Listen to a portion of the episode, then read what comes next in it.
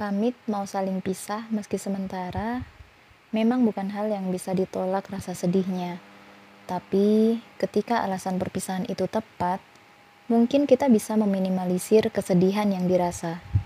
Lalu, apa alasan perpisahan yang tepat itu? Ya, perpisahan yang karena Allah. Bagaimana maknanya? Yaitu ketika dua insan saling berpisah untuk saling menunaikan amanah Sang Pencipta atau mengobati kerinduan orang tercinta untuk menyempurnakan bakti yang tertunda.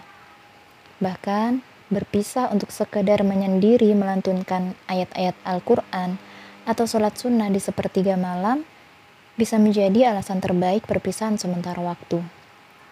Tentu kita pada akhirnya akan sendiri, mempertanggungjawabkan semua sendiri. Lalu, kenapa begitu takut jika kita harus sendiri? Bukankah kesendirian itu bisa memberikan peluang untuk beribadah lebih khusyuk dan syahdu?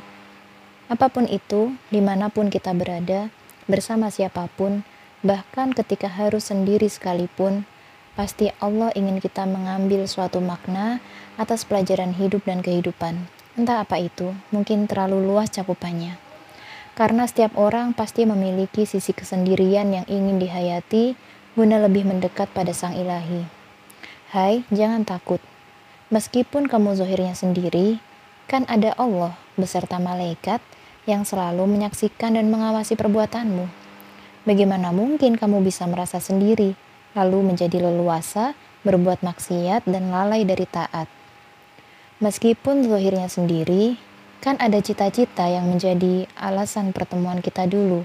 Cita-cita yang semoga masih tetap sama sampai kapan pun. Dan dengan cita yang sama itu, kita berjanji untuk saling mendukung, menyemangati, untuk tak berhenti dan lelah apalagi berbalik arah. Meskipun zohirnya sendiri, bukankah kita masih berpeluang bertemu lagi? Jika memang tidak di dunia, semoga nanti kelak Allah pertemukan kita di surganya.